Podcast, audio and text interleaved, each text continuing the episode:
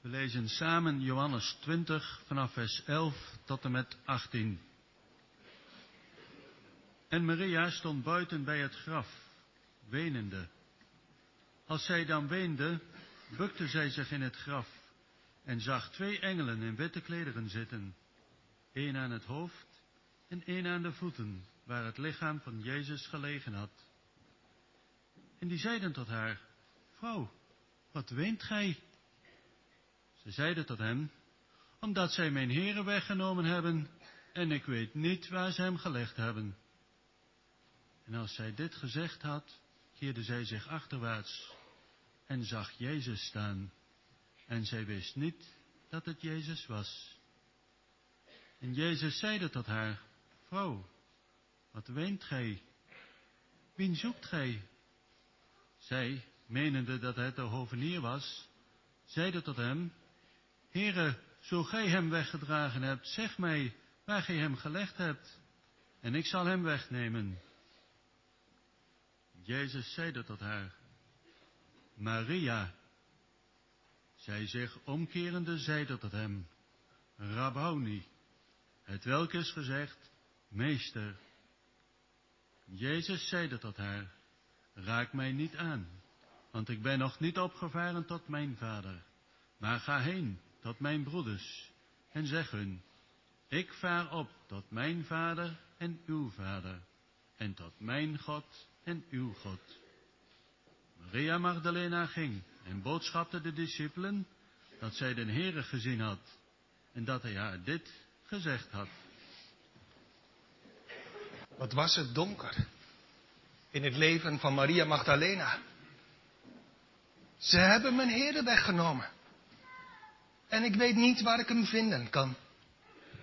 We hebben het vorige week gezien. Wat was het donker in haar leven? Zoals het nog steeds zo geestelijk donker kan zijn in het leven van Gods kinderen, ook nu. Ik zoek hem. Maar ik vind hem niet. Ik zocht hem die mijn ziel lief heeft. Maar ik vond hem niet. Maar zingt de dichter hoe donker ooit Gods weg mogen wezen. Hij ziet in gunst op die hem vrezen. Ze zoekt. Maar ze zoekt op een verkeerde plaats. En ze zoekt ook het verkeerde. Ze zoekt een dode Jezus. Maar wonder van genade, Hij heeft haar in al haar dwalen en verdriet niet laten gaan. Maar opgezocht met zijn opzoekende liefde. Vrouw, wat weent u? Waarom huilt u zo? Wie zoekt u? Antwoord, ik zoek hem die mijn ziel lief heeft. Ik zoek mijn Heer. En Jezus zei tot haar, Maria. En zij zich omkerende zei tot hem, Rabboni, het welk is gezegd, meester. Hij noemt haar naam.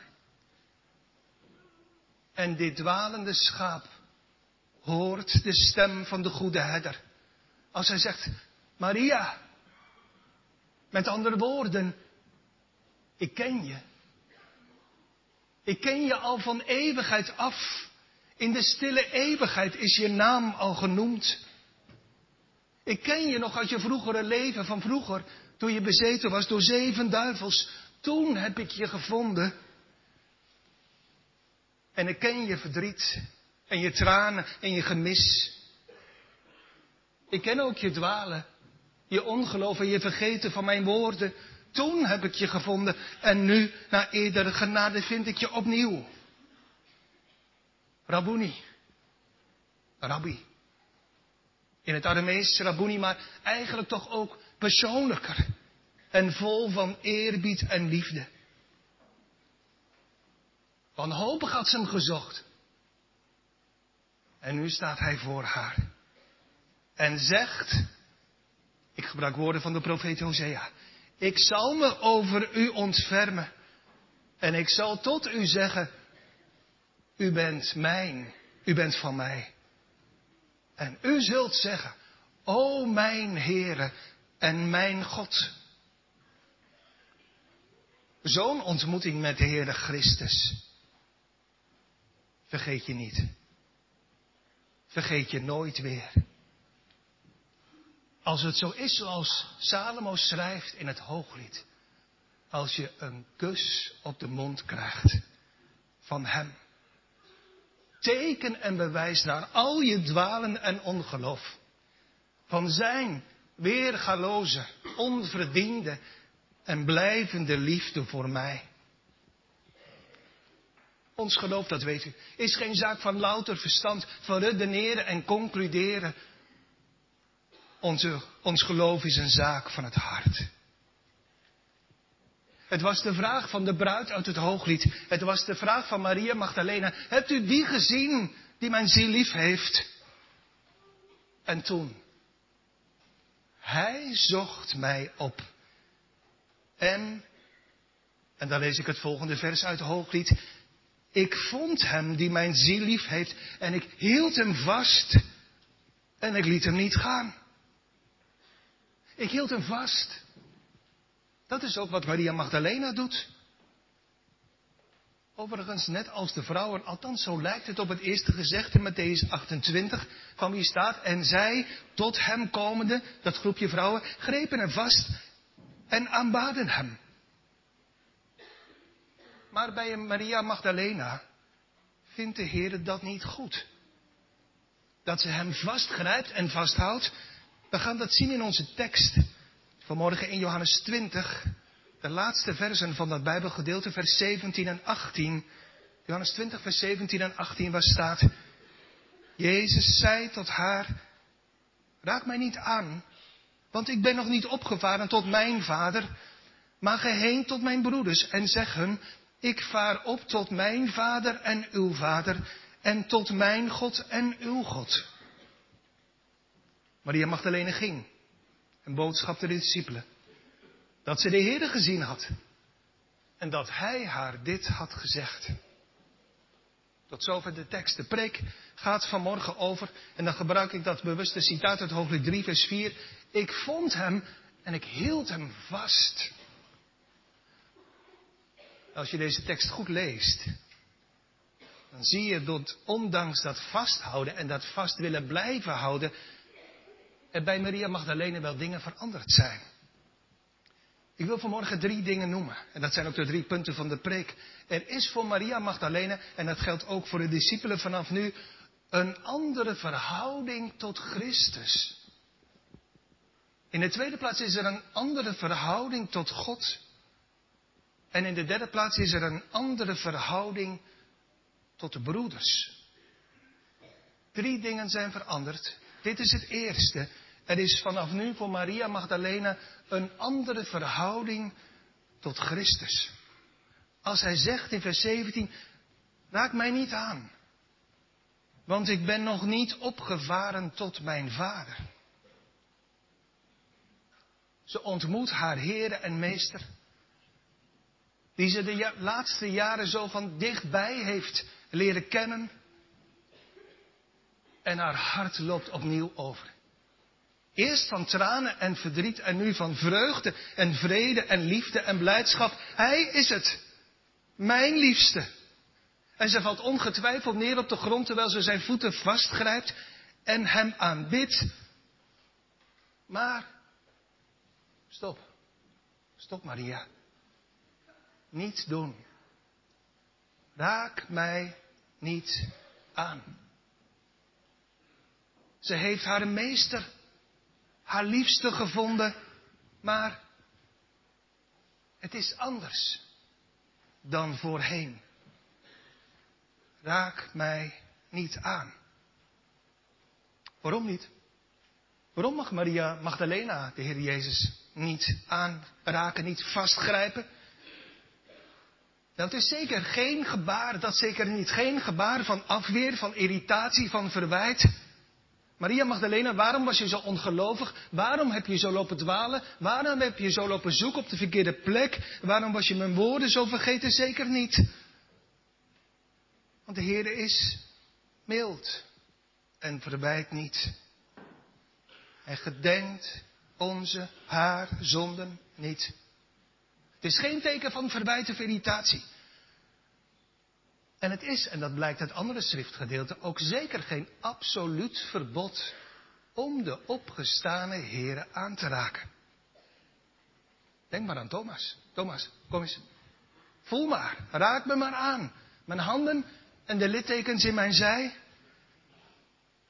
En die andere vrouwen van dat groepje dat eerder naar huis was gegaan met vrees en grote blijdschap. Daarvan schrijft Matthäus, ze grepen zijn voeten en aanbaden hem. En dat mocht blijkbaar. Maar waarom mocht het dan bij Maria Magdalena niet? Nee, raak mij Maria Magdalena niet aan. Hier zien we dat iedere ontmoeting met de Heer in het leven van Gods kinderen bedoeld is niet alleen tot troost en bemoediging en tot vreugde en blijdschap, maar ook om ons te leren. We hebben niet alleen troost, daar denken we vaak wel. Niet alleen troost en bemoediging nodig. We hebben niet alleen nodig dat de Heer onze tranen droogt. Maar we hebben vooral zo nodig dat ons de Heer meer dingen leert. En dat zie je hier gebeuren. De Heer geeft haar iets. De Heer geeft haar verschrikkelijk veel. Vreugde en vrede en blijdschap. En hij neemt tegelijkertijd in zijn wijsheid ook iets van haar af. Maria Magdalena, zoals het vroeger was, zo zal het vanaf nu niet meer zijn. Vroeger kon je me vasthouden.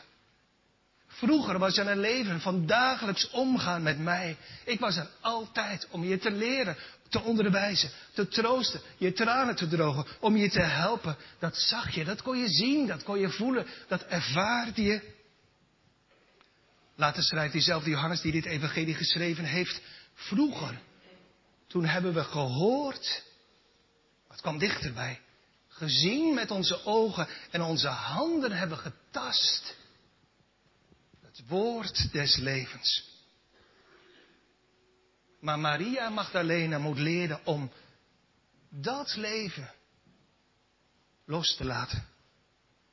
Zijn voeten los te laten als symbool van het loslaten van dat vroegere leven. Zo dichtbij. Zo geniet het van zijn troost, van zijn nabijheid, die je kon zien, die je kon voelen, die je kon proeven. Zeker, dat is ook een wezenlijk onderdeel van het geloof van Gods kinderen. Zoals ik zei, ons geloof is geen zaak van louter denken en concluderen en redeneren. Ons geloof is een zaak van het hart. Van persoonlijke ontmoeting. Van persoonlijke omhelzing. Van een persoonlijke band met God en met Christus. En wat zijn dat onvergetelijke momenten als de Heer tot ons komt, zoals hier bij Maria, Maria Magdalena, tot ons spreekt en ons vertroost en om ons, ons letterlijk omhelst in geestelijke zin.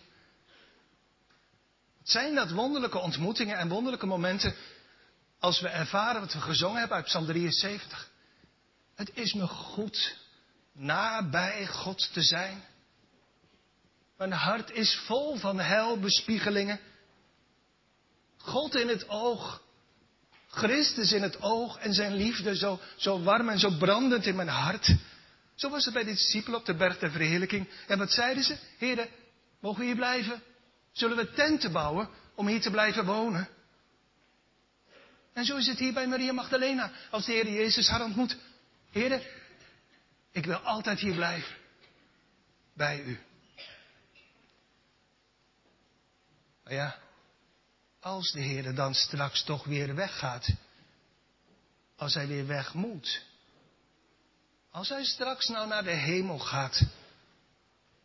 Hoe moet het dan verder met Maria Magdalena? Raakt ze dan straks weer helemaal in angst en in paniek? Vol van verdriet, omdat ze zich in de steek gelaten voelt? Nee, straks niet. Daarom moet ze dit nu leren. Leren geloven. Geloven in zijn woorden. Zonder te zien en zonder met handen vast te houden. Leren geloven zonder te zien. Dat is ook de moeilijke les die Gods kinderen nu nog steeds moeten leren. Als na een tijd van worstelen met onze zonde en schuld het licht doorbreekt in ons hart voor het eerst, wat kunnen we dan leven in een tijd van vreugde en blijdschap in de Heer, waarin de Heer misschien wel iedere dag zo dichtbij is. Je kan zo zingen van blijdschap en verheuging in de Heer. En je zingt, we gaan van kracht tot kracht steeds voort. Maar als het even weg is. Je staat ochtends op en je zegt, het is weg. Dat gevoel van nabijheid. Dan is er angst, dan is er vrees. Dan, dan wordt het benauwd in je hart. Dan zeg je, zou, zou het wel goed zijn met me? Maar gelukkig als je dan weer ervaart. De Heer spreekt weer en het woord raakt me weer. Het tintelen weer tranen in mijn ogen. Tranen van, van verdriet, van hoop, van blijdschap. De eerste ontmoetingen met Christus. In het leven van een arme zondaar. Wat wordt er dan een vreugde en blijdschap ervaren? Maar de weg moet verder. Je kan niet altijd in, als je denkt aan de woestijnreis van Israël, je kunt niet altijd en je mag niet altijd in Elim blijven wonen, bij die oase waar het zo goed was. Daarna komt de woestijn weer, want je bent er nog niet. Je bent nog niet in Canaan. En dat woestijnleven, dat is moeilijk. Dat is anders. En dus moet Maria Magdalena ook leren om vanaf nu anders te leven. En dus, Maria, raak me niet aan. Met andere woorden, Maria, je moet het nu en in de toekomst niet meer hebben van, van wat je ziet met je ogen. Van wat je voelt in je hart. Je moet het vanaf nu niet meer hebben van je tranen, voorheen van verdriet en gemis en nu van vreugde en blijdschap. Je moet leren geloven, zonder te zien, zonder te voelen. Je moet leren geloven in mijn woorden. Ook al zie je me niet meer. Ook al ben je me kwijtgeraakt. Ook al voel je mijn nabijheid, mijn aanwezigheid niet meer. Ook al springt de Satan op je rug. Die zegt, je hebt geen heil bij God. Leren geloven. Leren geloven, ook al zie ik Hem niet. Ook al is mijn gevoel zo anders geworden. Nochtans, toch zal ik van vreugde opspringen in Hem. Zoals Habakkuk dat ooit zei. Hij schreef, alhoewel de vijgenboom niet bloeien zal en er geen vrucht aan de wijnstok zijn zal. Met andere woorden, Alhoewel alles tegen zit. Alles verloren lijkt.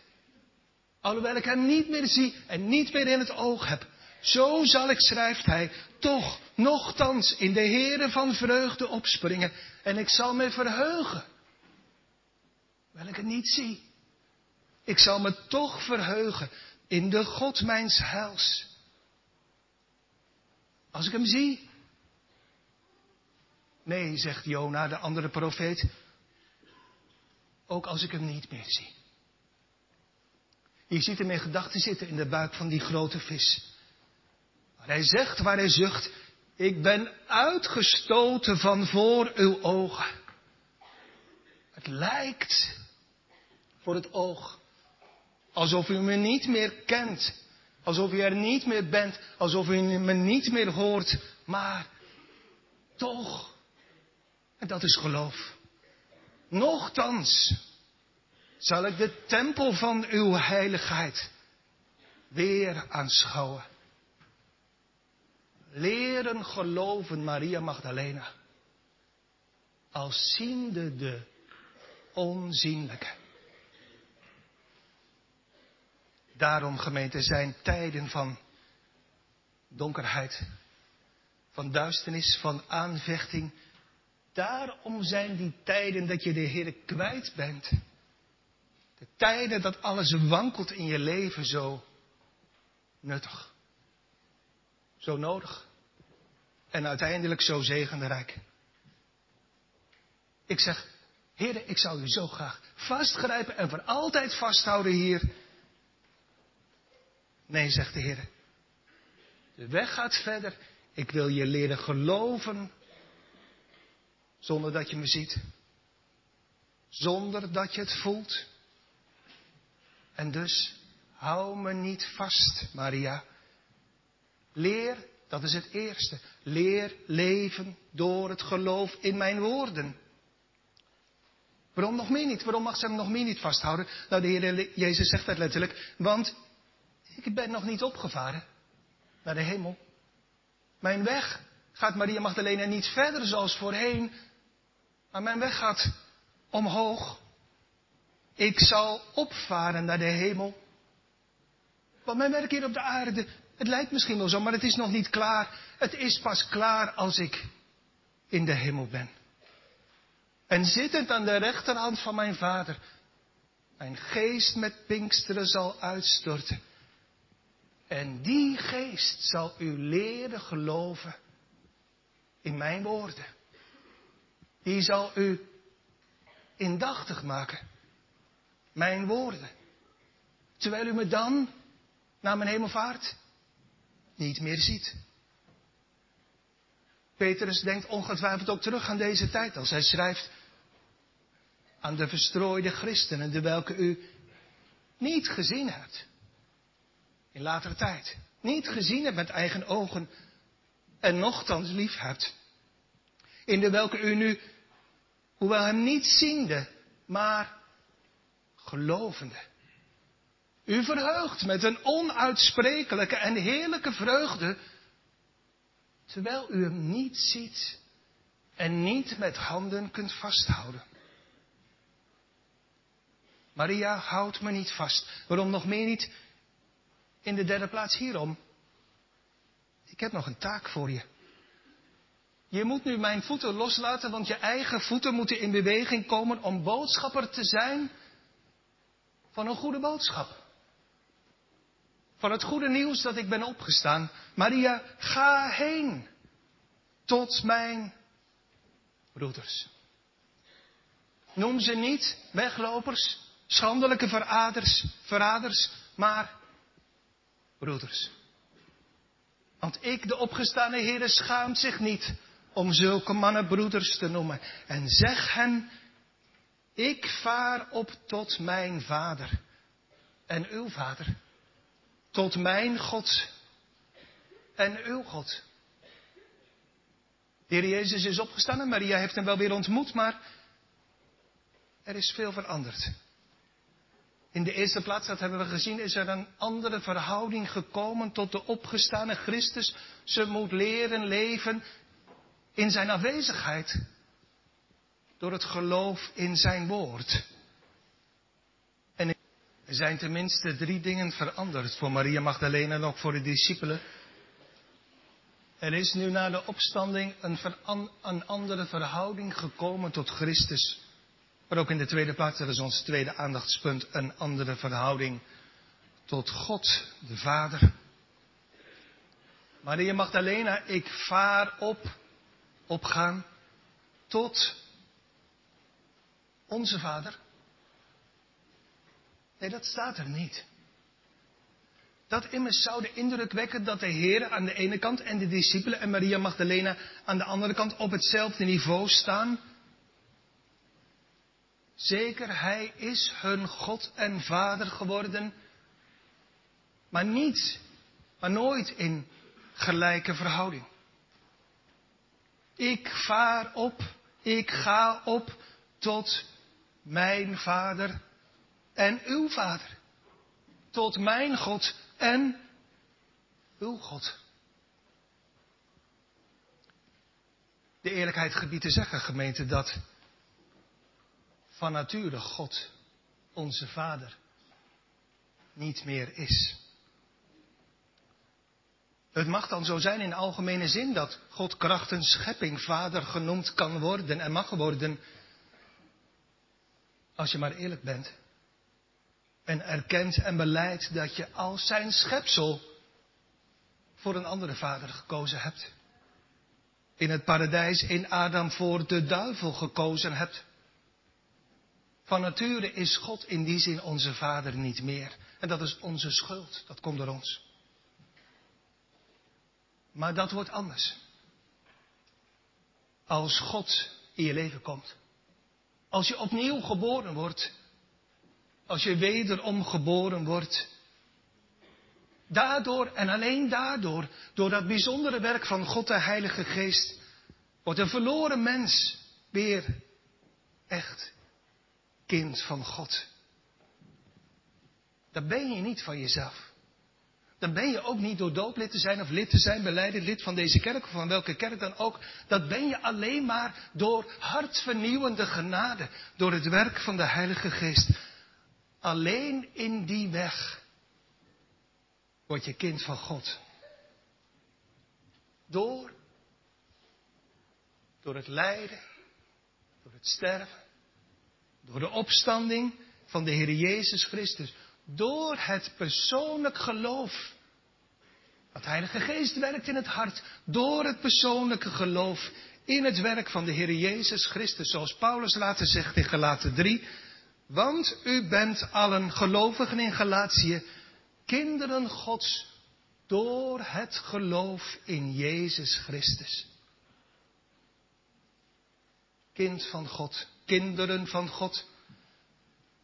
Het is de Heer zelf die dat zijn kinderen ook leert geloven dat dat zo is.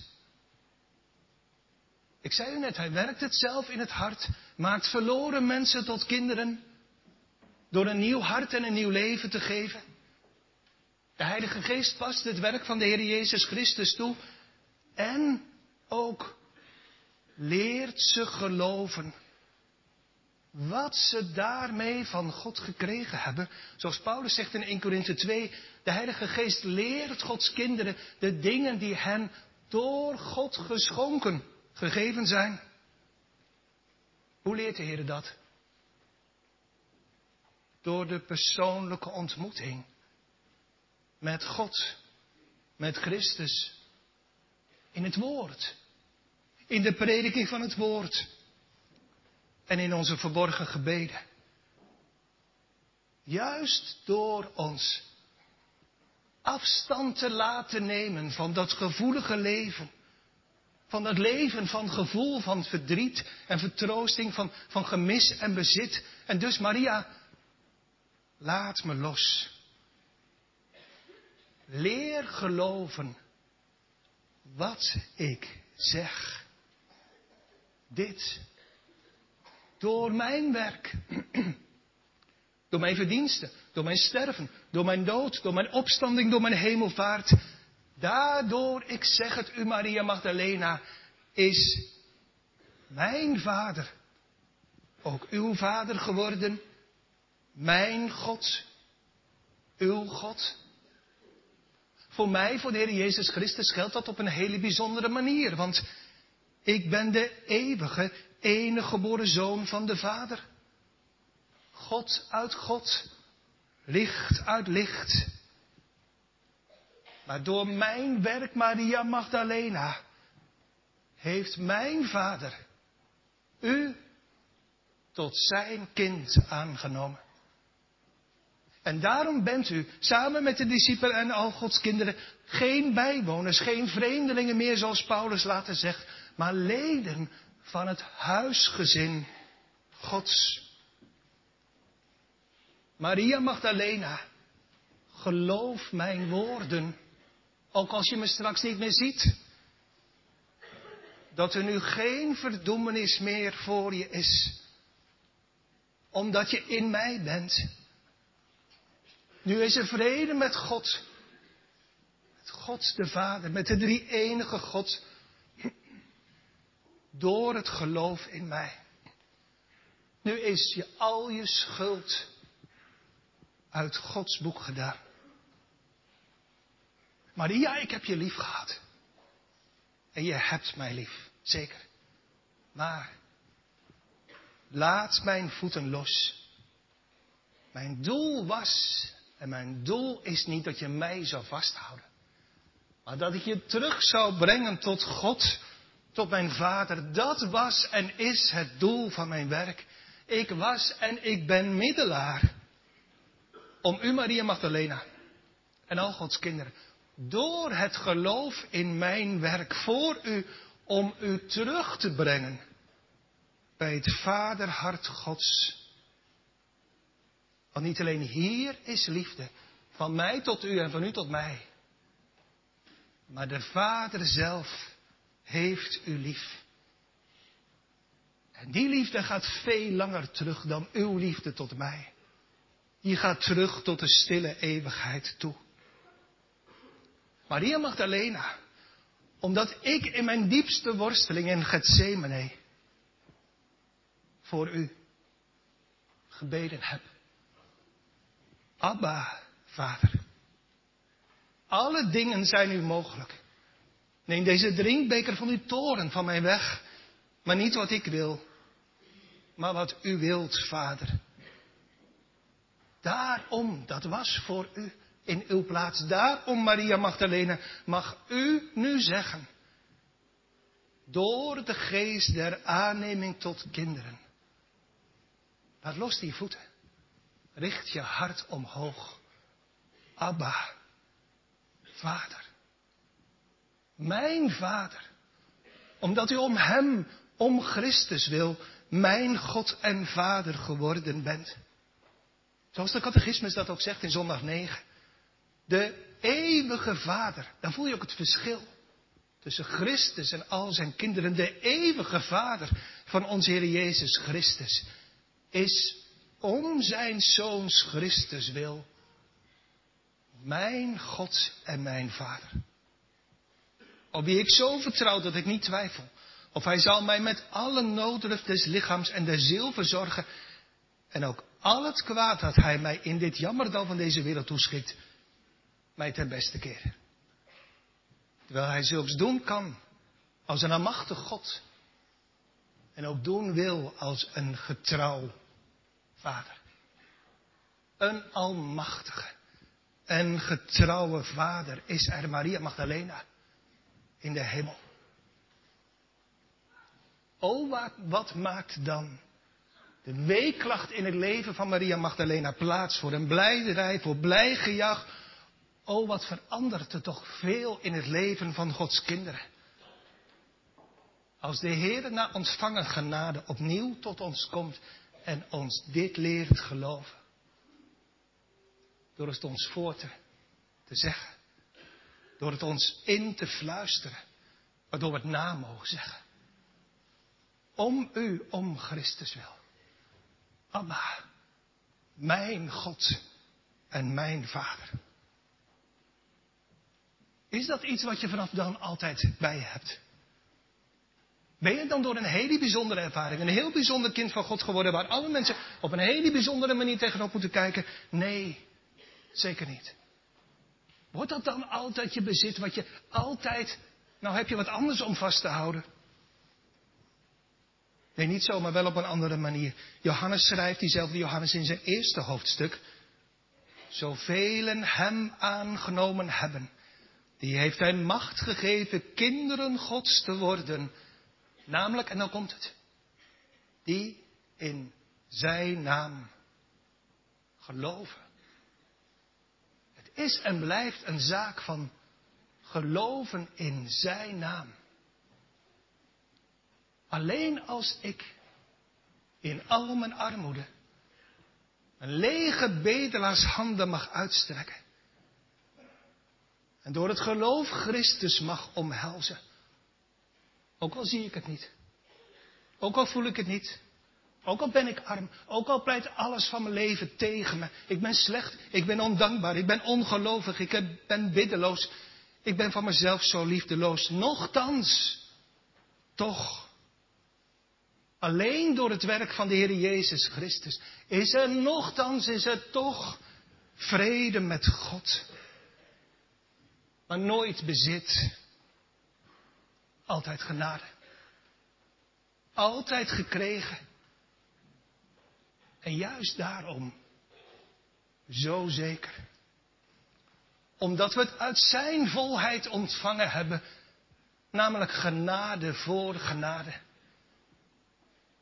Wat je bezit is, wat je eigendom is, wat je op zak draagt, kan je morgen kwijt zijn. Ik ben het verloren. Dat is zo onzeker. Hier ligt zoveel vastheid en zekerheid. Waar? Buiten mezelf in het werk van Christus. Om Hem is God mijn God en mijn Vader geworden. En wat zijn de voorrechten van dat kindschap groot? Het geeft ons gebed een, in al ons gemis, ook al voelen we het niet en zien we het niet, een vrije toegang tot de Vader. Dat hij ons gebed, als het naar zijn wil, naar zijn goede wil is, zeker horen zal. En als God mijn Vader is, dan zal hij me leiden door zijn raad. Hij zal me leren hoe ik wandelen moet in dit leven. En dan zal hij mij daarna met hem opnemen in zijn heerlijkheid. Als de Heer je dat leert in beginsel, blijft dat niet zonder gevolg. Dat zien we nog kort in onze derde gedachte, want er is nog een derde verandering. En die is niet om over het hoofd te zien. Er is nu bij Maria Magdalena, en dat geldt ook al Gods kinderen, nou ontvangen genade een andere verhouding tot de broeders. Want ik lees nog een keer in de tekst, ga nu heen tot mijn broeders en zeg hun, ik vaar, ik ga op tot mijn vader en uw vader, tot mijn God en uw God. En Maria Magdalena ging en boodschapte de discipelen dat ze de Heere gezien had en dat hij haar dit had gezegd. Maria, zeg die mannen, die voorheen net als jij in duisternis leefden, die ik net als jou gevonden heb toen ik jullie zocht. Zeg die mannen die mij gevolgd zijn, ongelovig, hardleers, met zoveel onbegrip, blind in de schriften, vergeetachtig net als jij, wat betreft mijn woorden. Ze zijn gevlucht. Ze hebben me verloochend. Zeg hen, niet alleen wat ik u gezegd heb, dat God ook hun vader is om mij, maar ook, u bent mijn zuster. Noem hen mijn broeders. Ik ben hun oudste broeder en schaam zich niet, zo staat in Hebreeën 2, om zich, om hen broeders te noemen. Maar dat betekent ook, u bent broeders en, dat hoort daar natuurlijk bij, en zusters onder elkaar. Door het geloof in de oudste broeder. Broeders en zusters onder elkaar. Dit is opvallend. Dit is de eerste keer, letterlijk de eerste keer in het evangelie van Johannes dat de discipelen broeders, en je voelt iets van de broederband ook, broeders genoemd worden. Zo bent u dan niet meer, zegt Paulus later, vreemdelingen en bijwoners, maar medeburgers der, der heiligen en huisgenoten. Leden van het gezin, huisgenoten Gods. Levend gemaakt als kinderen van God, door dezelfde geest, gewassen door hetzelfde bloed, burgs van dezelfde stad, uitziende naar het hemelse Jeruzalem. Slaven van dezelfde meester. Lezers van hetzelfde woord. Aanbidders. In dezelfde verborgen plekjes. Van dezelfde heren in de hemelen. Of u nu, broeders, zusters, of u nu van elkaar houdt of niet, dat doet er niet toe. U bent leden. Zegt Christus tegen al Gods kinderen. U bent leden van hetzelfde gezin, van dezelfde familie. Met andere woorden, u bent mede verantwoordelijk voor elkaar. U bent liefde, of je nou past bij elkaar of niet. U bent liefde aan elkaar verschuldigd. Waarom? Omdat, zo schrijft Johannes later, omdat Christus u met zijn liefde heeft vrijgekocht en zijn leven in uw plaats heeft gesteld. Daarom zegt Johannes, zijn wij schuldig voor de broeders, en de zusters horen daar natuurlijk bij, het leven. Dat is al wat, maar zo staat het er wel, het leven te stellen. Maria, breng dit goede nieuws, mijn broeders. Een taak voor Maria Magdalena. Voordat die mannen straks als discipelen, als apostelen worden uitgezonden in de wereld om het evangelie te prediken, komt de boodschap eerst tot hen. Door de mond van een vrouw en door de mond van andere vrouwen. Vrouwen hebben een grote en gewichtige taak in de gemeente en in het koninkrijk van God. Dat ziet u hier. U mag een goede boodschap brengen. U mag, dat is Gods bedoeling, als Hij genade in uw leven heeft gewerkt. U mag boodschapper zijn van het goede nieuws. Nee, de Bijbel geeft geen ruimte aan de vrouw in het ambt. Maar geeft u wel een grote en mooie en belangrijke taak in het koninkrijk. En dus, Godvrezende vrouwen onder ons, zusters, u die door Gods genade de zaligmaker hebt ontmoet. Hij zocht u. U vond hem. Zeg de broeders. Dat staat hier. En dat is uw opdracht. Zeg de broeders dat Christus leeft. Zeg het voort in uw gezin, in de gemeente hier, buiten de gemeente. En in deze verloren wereld, waar miljoenen mensen leven, die die boodschap nog nooit hebben gehoord. Zeg mijn broeders dat ik ben opgestaan en leeft. U die God vreest, discipelen, oprechte discipelen door Gods genade van, van Christus, eensgezind, in broederlijke en zusterlijke liefde, als godsvrezend, godvrezende leden van dat huisgezin Gods, door Nee, dat kan niet in eigen kracht. Dan gaat het altijd mis. Door het geloof in Hem. Welke, zegt Petrus later, u niet gezien hebt. En nochtans lief hebt.